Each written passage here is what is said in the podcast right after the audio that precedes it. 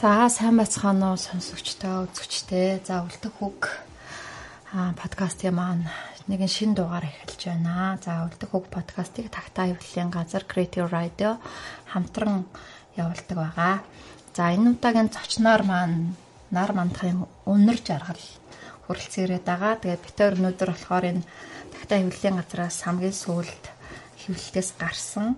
За миний амьдрал кино хайлсанд гэдэг нэртэй Шведийн алдарт найруулагч Ингмар Бергманы намтар дурсамжийн номыг одоо ярихаар ирсэн байгаа. За өнөөдрөө маань энэ номны орчуулагч тий.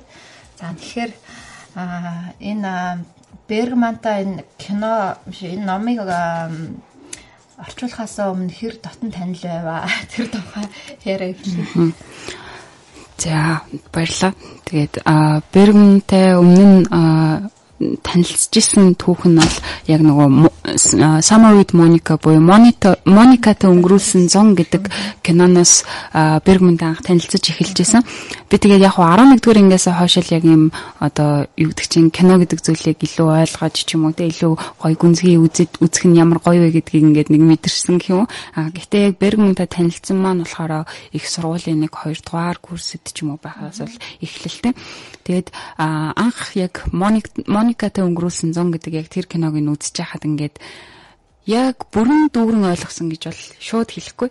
А гэхдээ яг үйл явдал нь мэдээж харьцангуй бусад кинотой харьцуулахад ойлгомжтой кино. А гэхдээ надад хамгийн гой санагдчихсэн юм ин ингээд зураг авалт нь үнэхээр гайхалтай гоё юусэн. Тэгээд яг тэр эмгтэй жүжигчэндээ эрэгтэй жүжигчэд ингээд нэг юм жүжигчдийн сонголт тэр жүжигчдийг нэг ингээд нэг юм Бэрмнээс яг ингээд анх э, бүр ингээд сэтгэл ингээд булааж исэн зүйл нь яг тэрээс нь л та ингээд зүжигчдийнхаа царайг ингээд ямар нэг үггүйгээр ингээд шууд ингээд ингээд барайл байлгаал идэг тий. Яг тэр нэг чанар нь бол Моникатай өнгөрүүлсэн зон гэдэг кинон дээр гарч ирсэн. Тэгээд яг тийм нэг юм хүний нааша ширтэж байгаа харцыг нэг удаан ингээд хараад байхад ингээд ховстуулж байгаа тэр нэг мэдрэмжэндээ яг ингээд одоо бэгүнтэй танилцсан төв гэхээр шууд тэр мэдрэмж хамгийн дөрөв санаанд орж байна. Аа тэгээд яг яг энэ номыг орчуулахаас өмнө бол Бергманы ойролцоогоор нэг 10 орчим кинонуудыг л яг үзсэн байсан. Тэгээд энэ номыг орчуулж яхад 60 гаруй кинотой байсныг нь тэгээд 60 гаруй киноныхон тухай илүү гүнзгий яг мэдэж авсан. Аа. Би болохоор нөгөө Бергманыг бүр багадаа гэхдээ үндэсний телевизээр зэрлэг үзэлцэг нь гардаг байсан байхгүй айгүй гоё орчуулгатай. Тэгээд энэ өвөө яагаад байгаа юм болоо л гэж боддог. Тэгээд ингээл нэг тэгэл нэг цаг маг гараал нэг өвөө гараал тэгэл нэг хэдэн хүүхдүүдтэй тэгэл ингээл яваад идэг тэр тэрээсээ юу ч ойлгоогүй. Тэгтээ тэгтээ ямар ч байсан ингээд тэр киног бол айгүй томатоо сууж үзснээ бас санаад байгаа. Тэгээд дараа нь ингээд бас оюутан болцоод юунаас аа канонуудаас нь төвж үзсэн. Тэгээд аа бас мундаг ёо яруу найрагч гэн найруулагч шүү шүтэж явдаг. Тэг ер нь дэлгэцэн яруу найрагчтай. Яруу найрагчтай.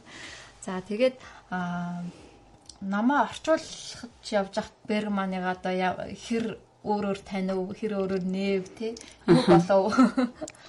Яг өмнө Бергманы кинонуудыг үзээд яг нийтлэг юм уу тийм зүйлсээс нь юу гэж ойлгож ирсэн бэхээр энэ бол юм шашин болон одоо өөрийнх нь одоо энэ чинь номлогч хүний хүүхчүүдээ те тэгэхээр ингээд одоо багасаа хүссэн хүсээгүй тэр шашныг одоо дагсан те тэгээ тэр шашнаар одоо хүмүүжсэн гэдэг ч юм уу. А гэтэл яг ингээд том болоод өөрөө ингээд өөрийн гэсэн аа өөрийн одоо тэ нэг юм рационал магадгүй шашнаас ангид гэж бол хэлж болох үз тийм одоо үзэл бодлыг одоо олсон хүн байгаа даа. Тэгээ тэрний зөрчлөн гэхдээ хэдий одоо ингээд а би одоо юм рационал хүн болчлоо гэл ингээд зогсож явах биш.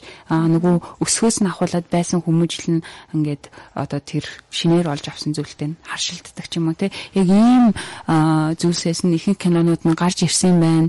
Тэгээ дээр нь одоо илүү философи юмнуудыг ингэж ухт юм байна л гэдэг ийм бодолтойсэн бол а яг энэ номыг орчуулж явах явцад энэ хүний яг энэ доторх хүүхэд нь яг ингээ хүүхдлийн амьд байсан юм байна гэдгийг аюу хүчтэй мэдэрсэн. Тэгээд яг одоо бүх л кинонууд магадгүй бүр хамгийн төгсгөлийн кинонуудын нэг нь бол одоо Фани Александр хоёр хүртэл яг л тэр нөгөө хүүхэд ахуйн дурсамжаас нь хүүхэд ахын тэр хүмүүжлэлээс нь ч юм уу те улбаатай гэдгийг илүү ойлгосон л та. Тэгэхээр яг Бергман одоо 18 онд түрээд 2007 онд нас орсон хүн гэдэг чинь 89 баг ерлөө төхөөд ингээд одоо амьдэрсэн хүн боловч яг тэр бүх л хугацаанд тэр хүний дотор ингээд нэг нь хүүхэд нь байгаад байсан гэдгийг энэ номнаас айгүй хүчтэй мэдэрсэн гэх юм аа.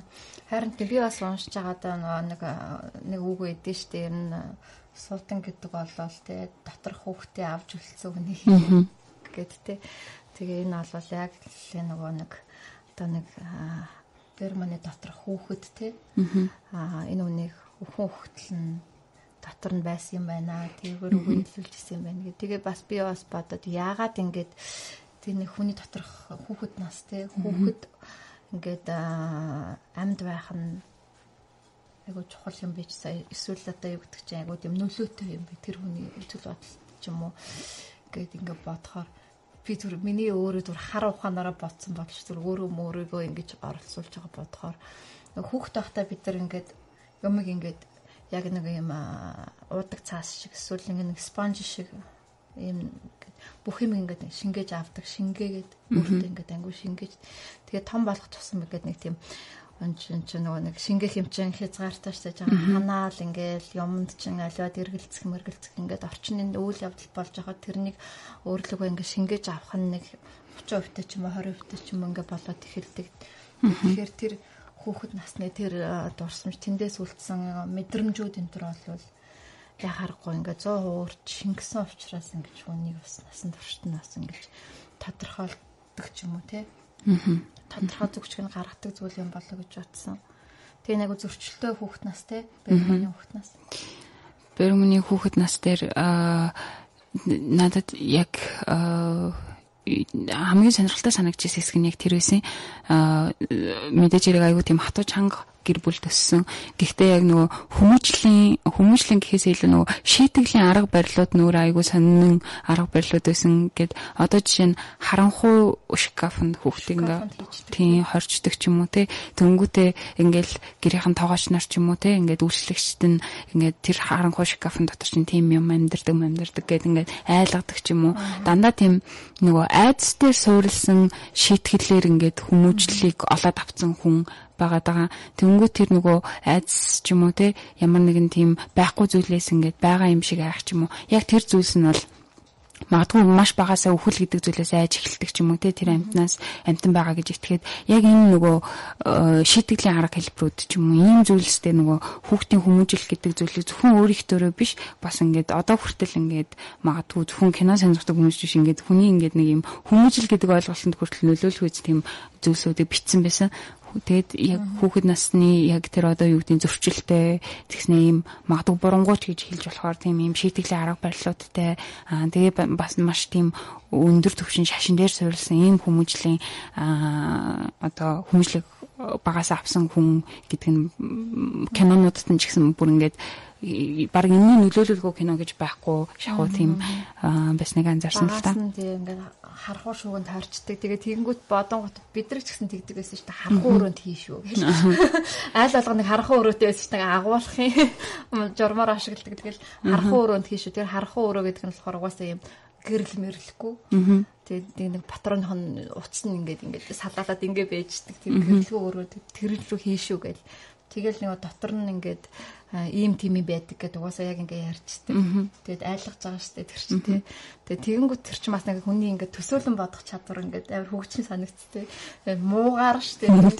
Одоо яана ингээ харахуу өрөөнд ингээ төгжигдэж байгаа юм чи одоо яана тий хаанаас юу гараад ирэх бол гээл тэр харахуу орчинд дах бүхэл ад цэцгэр альбан чөтгөрийг тий төсөөлж бодно дээ. Тэгээд байнга л ингээл миний доторх нөгөө альбан чөтгөрүүд гээл ингээл хөрхий ярьдаг бүр ингээд Тэнгүүт тэр нөгөө нэг айгүй тэр гэхдээ э, сонин сонсогдож магадгүй ч гэсэн магадгүй тэр харанхуй өрөөнд хоригдож ихсэн өөрөө Бергманд нөгөө гэрлэр зурах буюу одоо кино хийн гэдэг зүйлийн эхлэлийг тавьж өгсөн байх магадaltaй гэд нөгөө номноос нь харж ирсэн харж байгаа юм л та. Тэнгуүтийг нөгөө харанхуй өрөөнд айгаад эхлэнгүүт хүүхэд төр харанхуй өрөөн рүү орохдоо өөрийгөө ингээд нөгөө зугаацуулах арга барилууд ингээд сэтгээ тэгээд нөгөө лазерын гэрэл барьж ордог болсон ингээд тэндээс ингээд анхны нөгөө магадгүй харанхуй зүйл дээр ямар нэгэн байдлаар юм дүрс одоо хийгээд ч юм уу те ямар нэгэн байдлаар гэрлэр ямар нэгэн юм юм хийх нь хүний ийм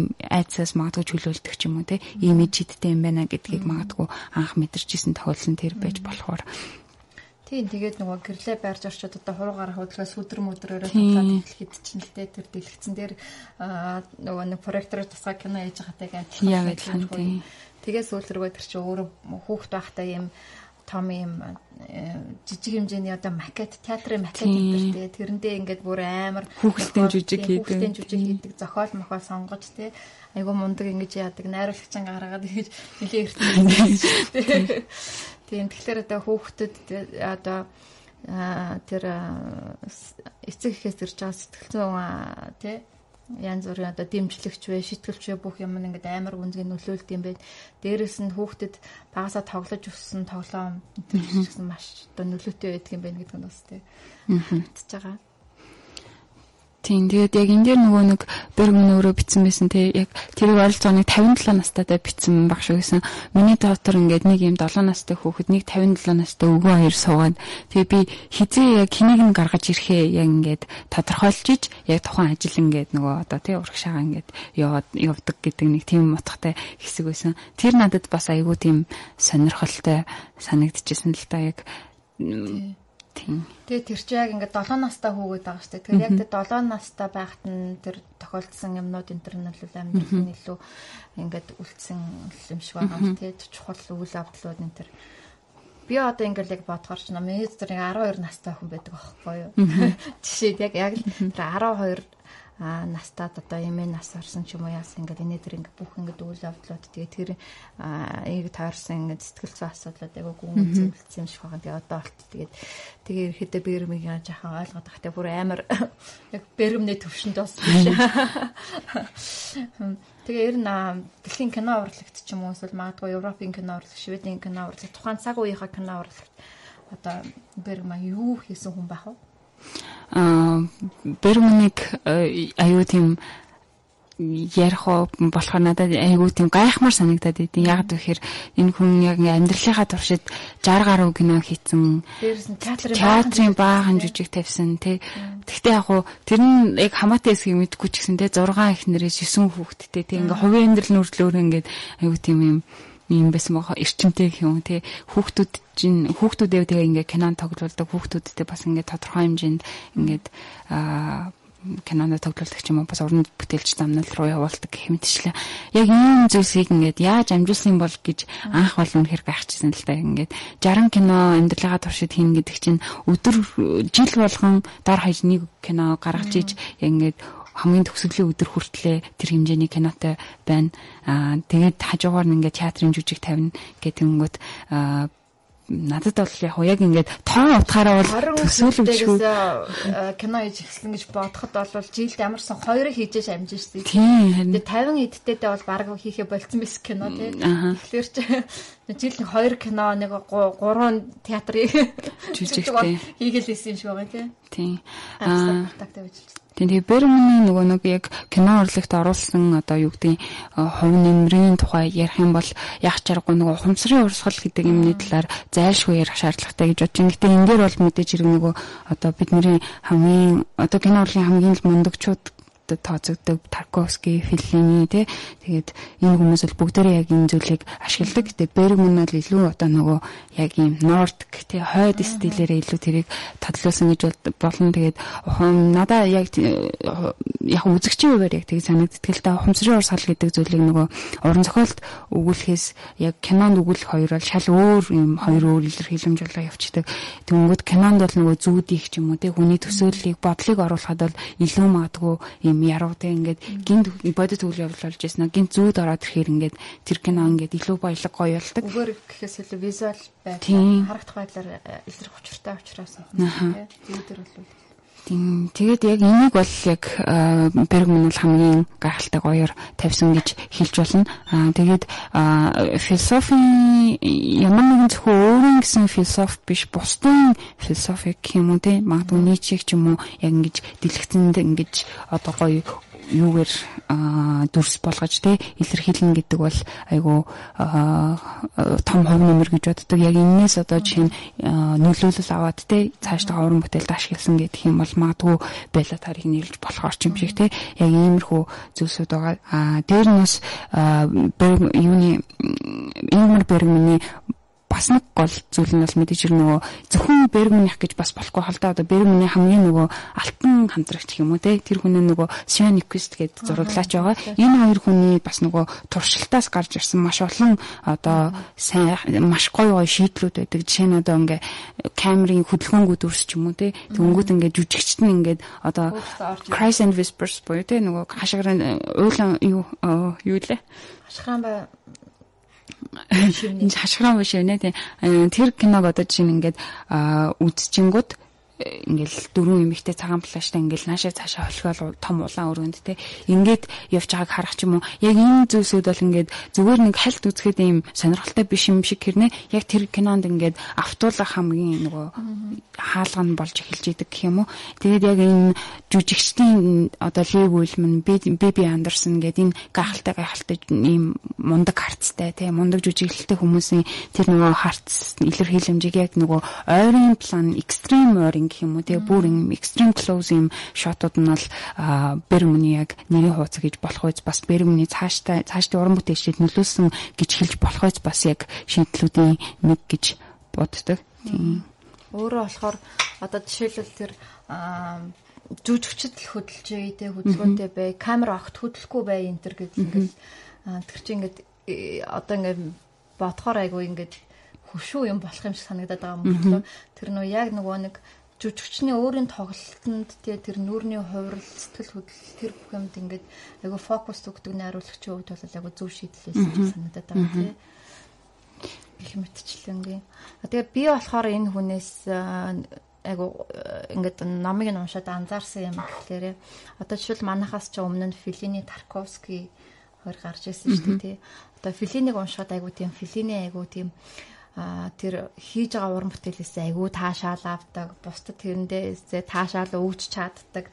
Тэгээд айгүй тийм хүүхдэрхүү тий тэгээд тийм хүүхдэрхүү суут юм санагддаг тийм. Ярьж байгаа амин зарим нь айгүй сайлхан юм шиг гинэн чив шиг тий тэгснэ Тарковский жишээлбэл ингээд а тэр угаасаа амьдарч байсан нийгэм нь одоо хаалттай нэг юм хэцүү. Тэгээд дээрээсээ дарамт ихтэй байсан болоод ч тэр ингээд бусдыг хардах сэрдэх нийгэмдээ итгэхгүй байх төр загсагтаа бухимдах юм нэлээ их анзаарэгддэг. Тэгээд тэгтэл нөгөө Бергманы нөгөө нэг туурвч исэн түүхээс ингээ харахаар тэр одоо Шведийн засгийн газарт гомдоод байгаа юм ч юм уу тий. Европын улс төрийн системд э, нэг э, яагаад байгаа юм нэг их байхгүй. Яг шашны эцэцүүс түүний э, үзэл бодол ч юм уу шашны сүр ухтгуунтай хувийн зөрчилт юм байна уу гэхээс биш. Яг ингээд нэг юм тухайн цаг үетэйгээ хамааралтай хямрал мямралт нэг ч багтай айгу тийм дураараа туурвч исэн шиг харагдаад байгаа. Тэгээд яг ингээд тэгээд энэ гурван найруулагчийг ингээд эргээд ингээд жишээд үзэхээр би нөгөө Бергманыг аягүй ихлээд анх кинонуудаас нь харж байгаа аягүй хүйтэн зожиг жаахан тийм хүнд нэг тийм хүндийн мэдрэмж төрөх хүн байдаг шүү дээ. Тийм хүн байх гэж бодсон чинь эсэргээр юм санагдсан. Яг тэгэхээр жүжигчтэй амар хайртай. Жүжигчтэй айгүй хүндэлдэг тий. А тэгээд нөгөө нэг өөрийнх нь уран бүтээлд үзүүлсэн бусдын нөлөөг айгүй их үнэлж чаддаг бодтоор тий. Тэгэл ингээд кинонд ярахтаа би тэр үед тгээ алдсан ингэсэн Биби Андерсны жүжиглэл миний киног авч гарлаа гэдэг юм уу тий. Энэ энэ дээр миний алдаа юм байна дээ. За ингээд Свений алдаа энэ байна. Тэгтээ ашгүй жүжигчин маань ингэсэн байна, ингэсэн байна ч гэдэг ч юм уу тий. Энэ дээр ста Гулнаар ста үнэхээр үзүүлээд өгчээ гэдэг ч юм уу тий. Яг тийм а энэ чинь кино ч өөрөө нөгөө багийн ажиллагаа штэ тий. Тэгэнгүүт яг тэр баг хамт олонныхоо өөрх нь уран бүтээлд оруулж байгаа хүч хөдөлмөр авьяас бүх юмыг яг зүг зохистой үнэлж чаддаг юм шиг тийм халуун дулаан сэтгэлтэй хүн юм санагдав. Тэгээд хүү хөлтлээ би жүжигчдтэй хайртай гэж хэлсэн байдаг те кино нам дотроо. Яг энэ нам дотор нөгөө яг ийм өвгөн одоо найруулагч тэгээд нэг ийм сэтгүүлч эмэгтэй хоёрын яг нэг ийм ярилцлагын хэсэг байдаг те. Гэтэ яг тэр хэсгийг би орчуулж чадаа айгүй уйлсан. Яг амар уйлаад бүр ингэж энэ би бас яг тантай адилхан юм аа те ингээд бас юм скандинавын рационал сэтгэлгээтэй юм хүтэндөө барин өвөө байна да гэд яг ингээд өмнө боддог байсан бол яг энэ номыг уншаад ялангуяа нэг юм э, хүмүүсийн юм нэг загтал шиг бичигдсэн хэсгүүд ч юм уу те яг тийм хэсгүүдээс бол яг бэр өмнөнийг тэс ондоо талаас нь бол илүү мэдэрч хүлээж авсан л та тийм тийм тэгээд одоо ингээд аа юу аа би бас тэгж бодож ирсэн аа одоо манайхан ч одоо нэг найруулагч болгомхтой гар барил нь өөр л байх л та.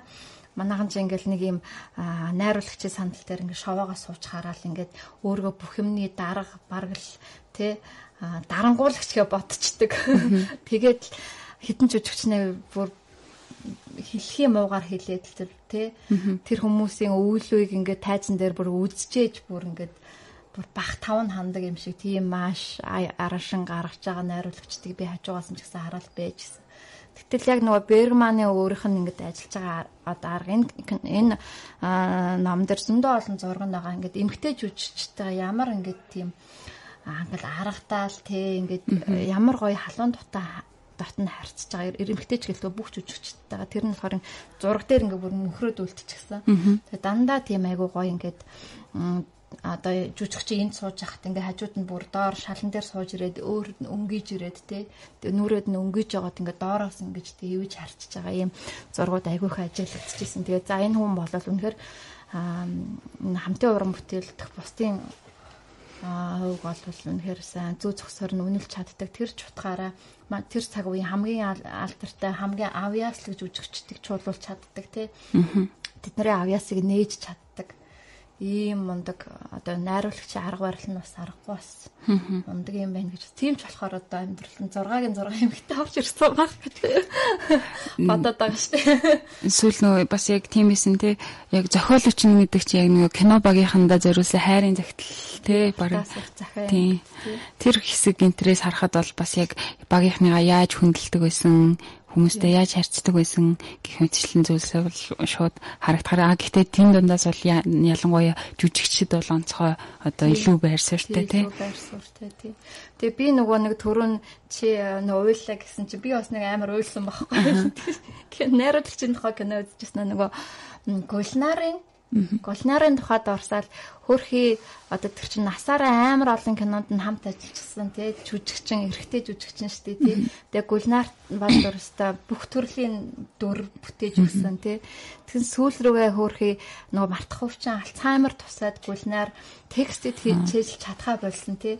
Тэгээ тэгэнгүүт нь Гулнарыгаа тоглоулмаар байгаа учраас тэр нөгөө мартах хувчтанд зориулаад тийм баг тексттэй дүр өөрөө гулнаарт зориулж бичээд те фаны Александр хоёр дээр гаргаж ирсэн.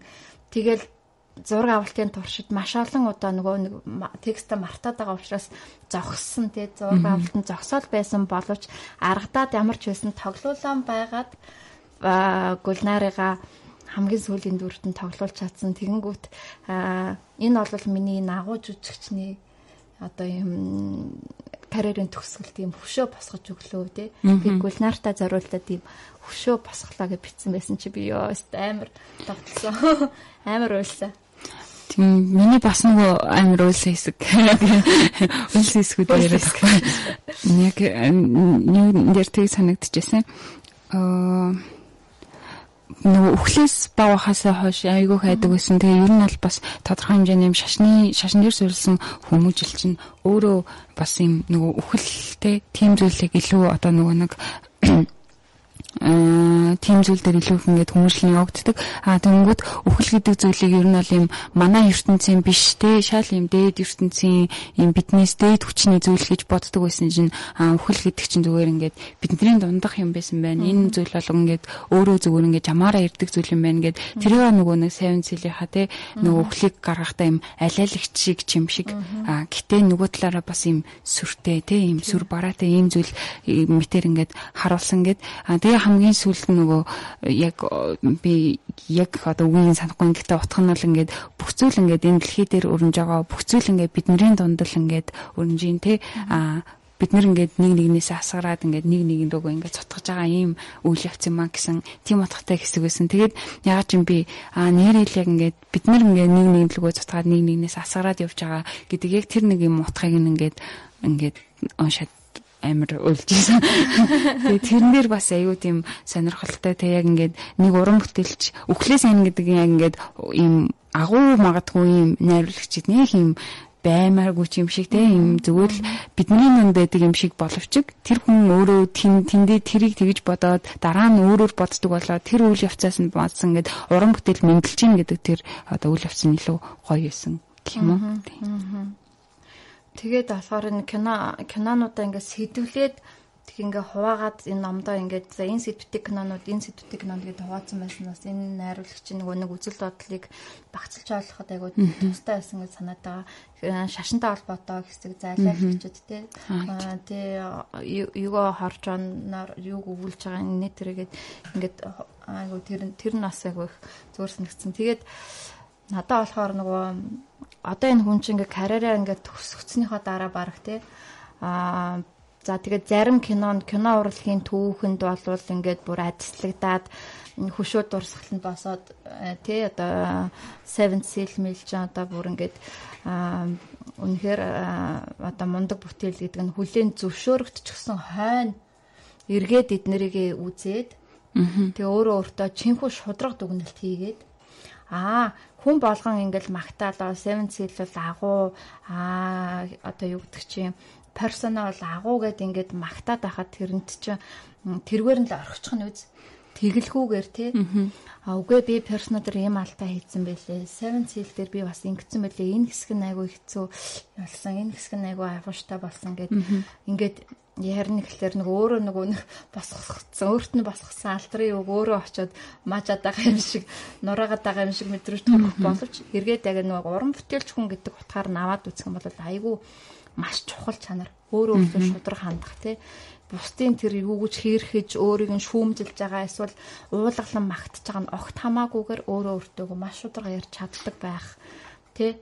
Алдаа оноогоо дэнсэлж чаддаг байх гэдэг нь бол үнэхээр агуу хүндэл заяах тийм ангид чанар юм байна гэдгийг бол энэ номоос харж болохоор. Тэгээд зөндөө олоо одоо кино найруулагчид те уран бүтээлч маань уншаад уран бүтээлч хүн жинхэнэ уран бүтээлч хүн өөртөө ямар ямар өндөр цензуртэй шүүмжтэй хандаж чаддгийн тий тэр нөгөө нэг бусдын хил ам алдаа онооны дэнснээс ангитаар өөр өөргөө яаж шүүж чад ямар шудраг хандж чаддгийг гэдгийг бас хараасаа гэж би бодоод байгаа шүү дээ тий яхааргүй өөртөө айгу тийм үнэнч хүний л магадгүй хийж чадхаар тий.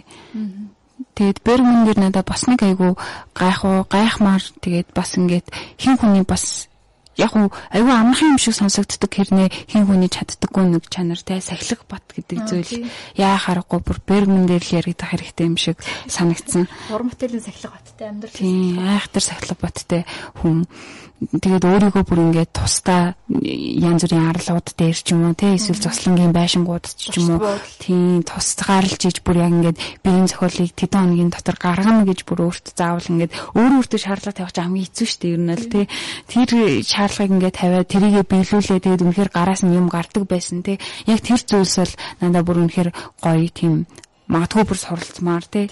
Яг тэр сахилга батыг нь бол сурж болохоор санагдсан бэрэгнээс байна. тий бүр ингээд өөрийнх нь бүр сэтгэл зүй маш хүнд асуудал уу сэтгцийн эмгэг өөрчлөлт өвчин өвчнийг хүртэл давдаг тэгээ нэг удаа нөгөө нэг хаанчлал гадаадын нэг зочд буудалд очиод хэвтчихсэн нөгөө зохиолоод бичээд. Тэгээ тэр хооронд нөгөө яг нөгөө сэтгцийн тэр нөгөө ужиг өвчин нь сэдрээд нөгөө амиа хорлмоор санагдаад Тэг яг амиа хорлох гэж байдаг чи яг яг ингүүл яг ингээ амиа хорлсон шиг харагдана гэдэг яг тооцсон ингээд яг хараг байрлаа. Яг амиа хорлох гэжсэн чинь Шведээс энэ кино чинь хөдөлчлөө энэ бүтгээр болчлоо гэсэн чинь за за дараа өхөе гэдэг. Шок кинон руугаа явдаг дээ. Тэр надад үнэхээр нэг бодлоо хөгжилтэй юм. Тэгэхээр бүр тэр ингээд аа бүр ингээд бүхтэй амьдралын зорилгоо за тэгэл нөгөө сэтгэл зүйн асуудлууд одоо ингээл бүх юмыг давж тэр нөгөө нэг уран бүтээлийн зорилго нь давж орж ирж байгаа нь үнэхээр За за хэр гайхалтай юм байна гэж. Тийм яг харгуу нөө уран бүтээлийн сахилга бат нь ямар ч одоо сэтгэл зүйн одоо ингээд хямралч юм уу те ийм одоо уу гашууч юм уу тийм зүйлсүүдийг бол ингээд шууд даваад ингээд босгоод гарч иршээ. Бид нар ч болвол яг яг өхийгээ бодоо хөвтчих. За намаа дуусчихад өхий гэж бодохгүй. Бүд ялнаас яг тэгж хэлсэн мэсэн нөгөө өмнөх хүүхдээр нь хэвээ ингээд Бергмэнд те нэг кино бүрээрээ ингээд амьдралынхаа нэг жилиг ингээд арилжаад ингээд нэг жил нэг киногоор нэг жил ингээд худалдаж аваа гэд те ингээд санал болгох юм бол Woody Allen хэлснээр бол Bergman те бүх киногоо ингээд сайхан өгөөд дахиж нэг юм амьдралын нэг нэгэн үеийн тийм амьдрал ингээд те худалдаж аваад ингээд киногоо дахиад хийх байсан гээд тийм 65 киногоор 65 жил худалдаж аваад тэрэндээ дахиад бүр шаргуу ажиллаад амирх кино их байсан гэсэн шүү дээ. Тийм л их сахилга баттай. Тийм амир сахилга баттай, мундаг сахилга баттай.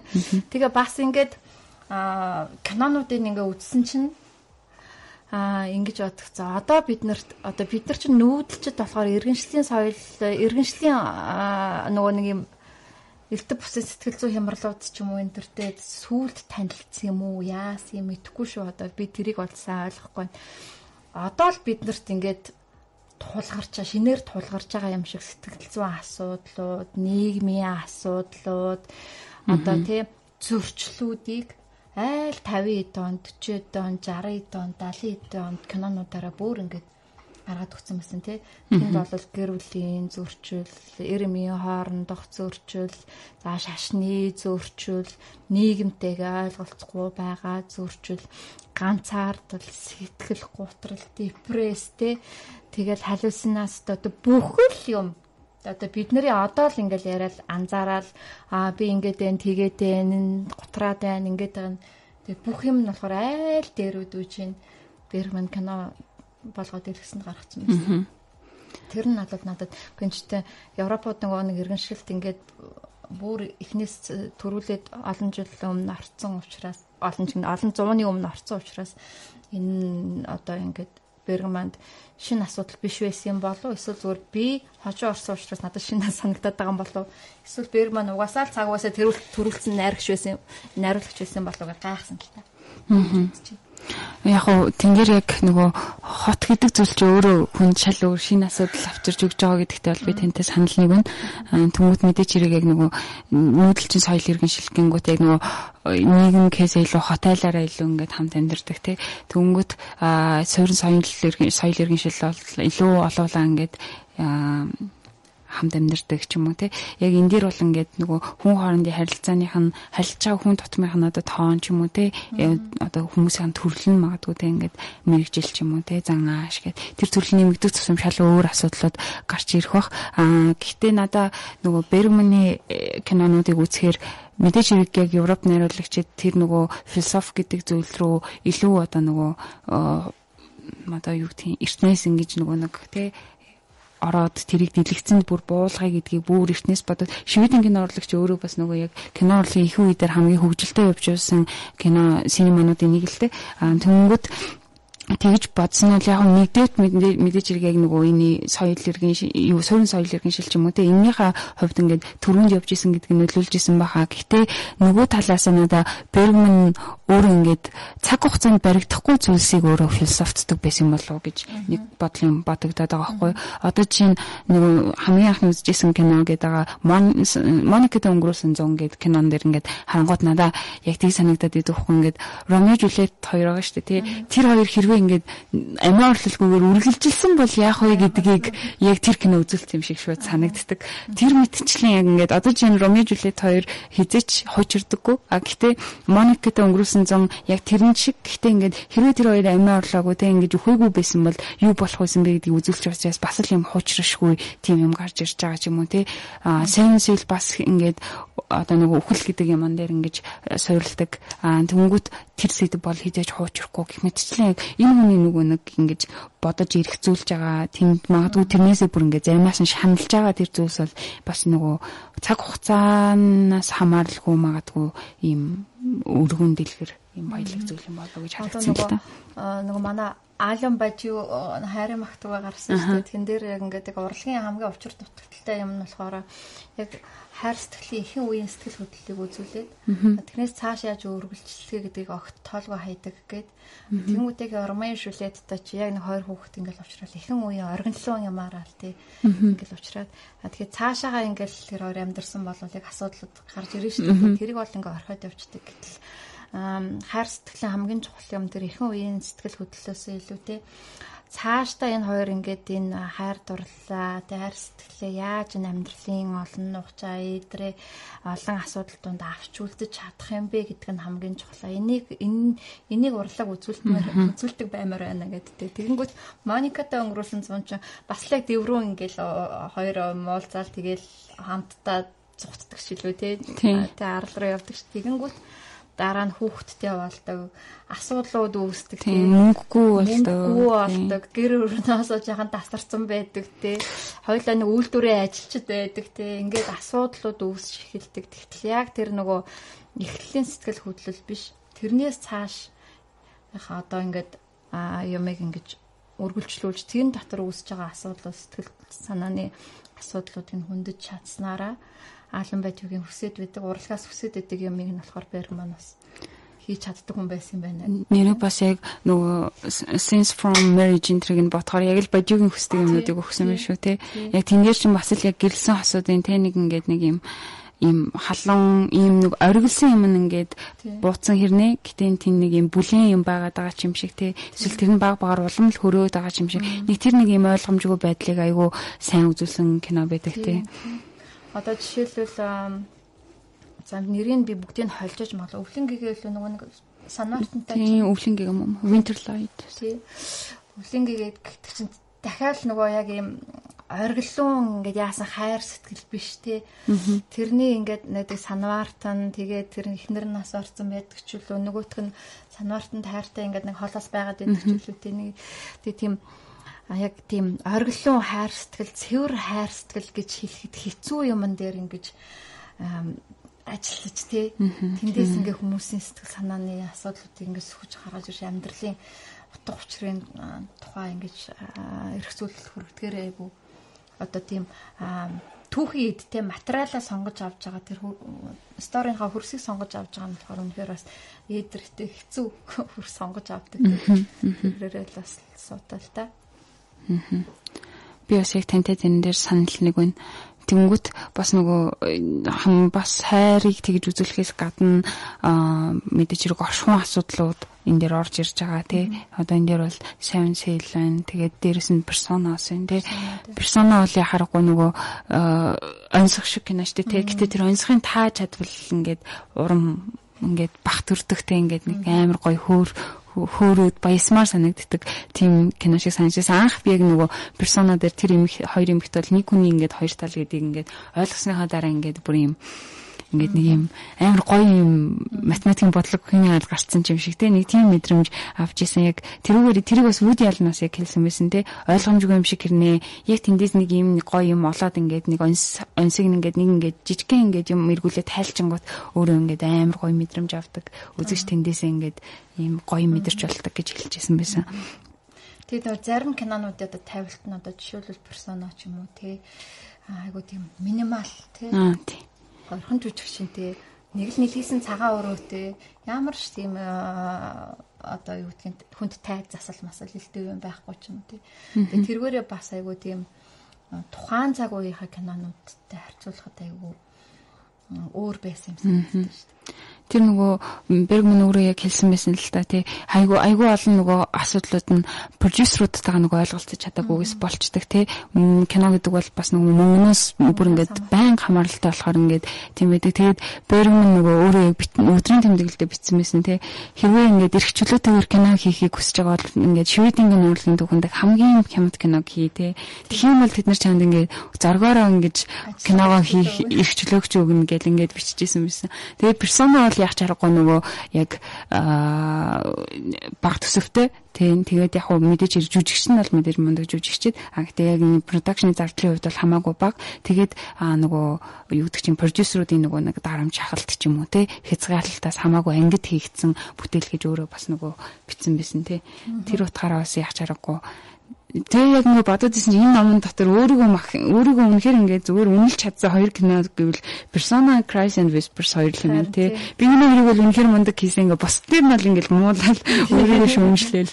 Тэгээ бас нэг нэг надад Бергманыг аюу хүндлэх сэтгэл төрүүлсэн болохоор нэг Шведийн нөгөө кино урлагийн чинь нэг зогсолтонд ороод бүгдээрээ нөгөө ажил хайл майл зарлалцсан үеэр нь мань хүн бахан савн реклам хийдэг шүү дээ тий. Чүү агуу найруулагч яхаараа савнгийн реклам хийж байгаа мэж байгаа ингээд бөө юм болно шүү дээ тий.